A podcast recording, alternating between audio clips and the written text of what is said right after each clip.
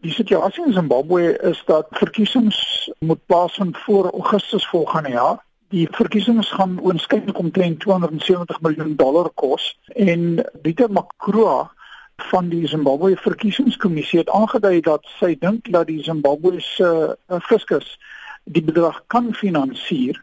Nou die grootste komponent van hierdie bedrag kom uit die biometriese stemregistrasiestelsel wat Zimbabwe wil invoer. Zimbabwe gaan hierdie stelsel net gebruik vir die registrasie van kiesers, nie vir die stemproses self nie. Maar um, ek dink meeste van ons is bekommerd of beide hierdie biometriese stemregistrasiestelsel ingevoer gaan word effektief en wel of Zimbabwe tog die geld het om 270 miljoen dollar aan verkiesings te spandeer.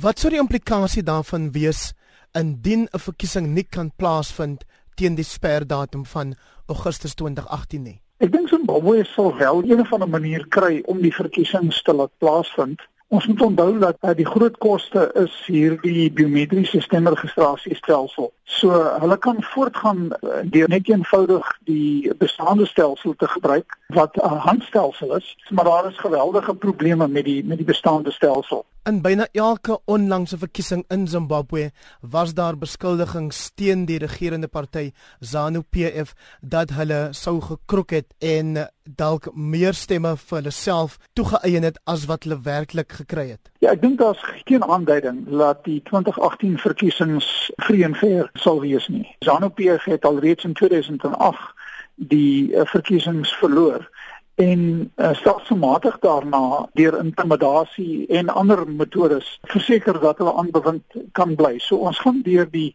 go through the motions soos hulle sê van verkiesings in, in Zimbabwe, maar gegee die impak van intimidasie, uh, die probleme met uh, kiesersregistrasie en die, die kiesersproses self, dink ek min ontleeders verwag dat hierdie uh, verkiesings uh, wel die uh, algemene Zimbabwe kiezer se keuse gaan verteenwoordig. Watter rol is daar vir Suid-Afrika te speel of vir die Suider-Afrikaanse gemeenskap om 'n vrye en regverdige verkiesing in Zimbabwe te verseker? Wat sal ek doen? Is sal ek steun hoofsaaklik uh, voormalige bevrydingsbewegings. En ek ek dink daar is daar's geen kans dat SADC 'n positiewe rol in hierdie verkiesings gaan speel nie. Ons sal dalk nominaal 'n uh, paar mense hier om die verkiesings oënskynlik te monitor, maar ek verwag nie dat daar veel verandering uh, kan wees nie. Jy het ook jou bedenkinge oor of 'n nuwe ANC leierskap 'n wesentlike verskil sal kan maak in hoe Zimbabwe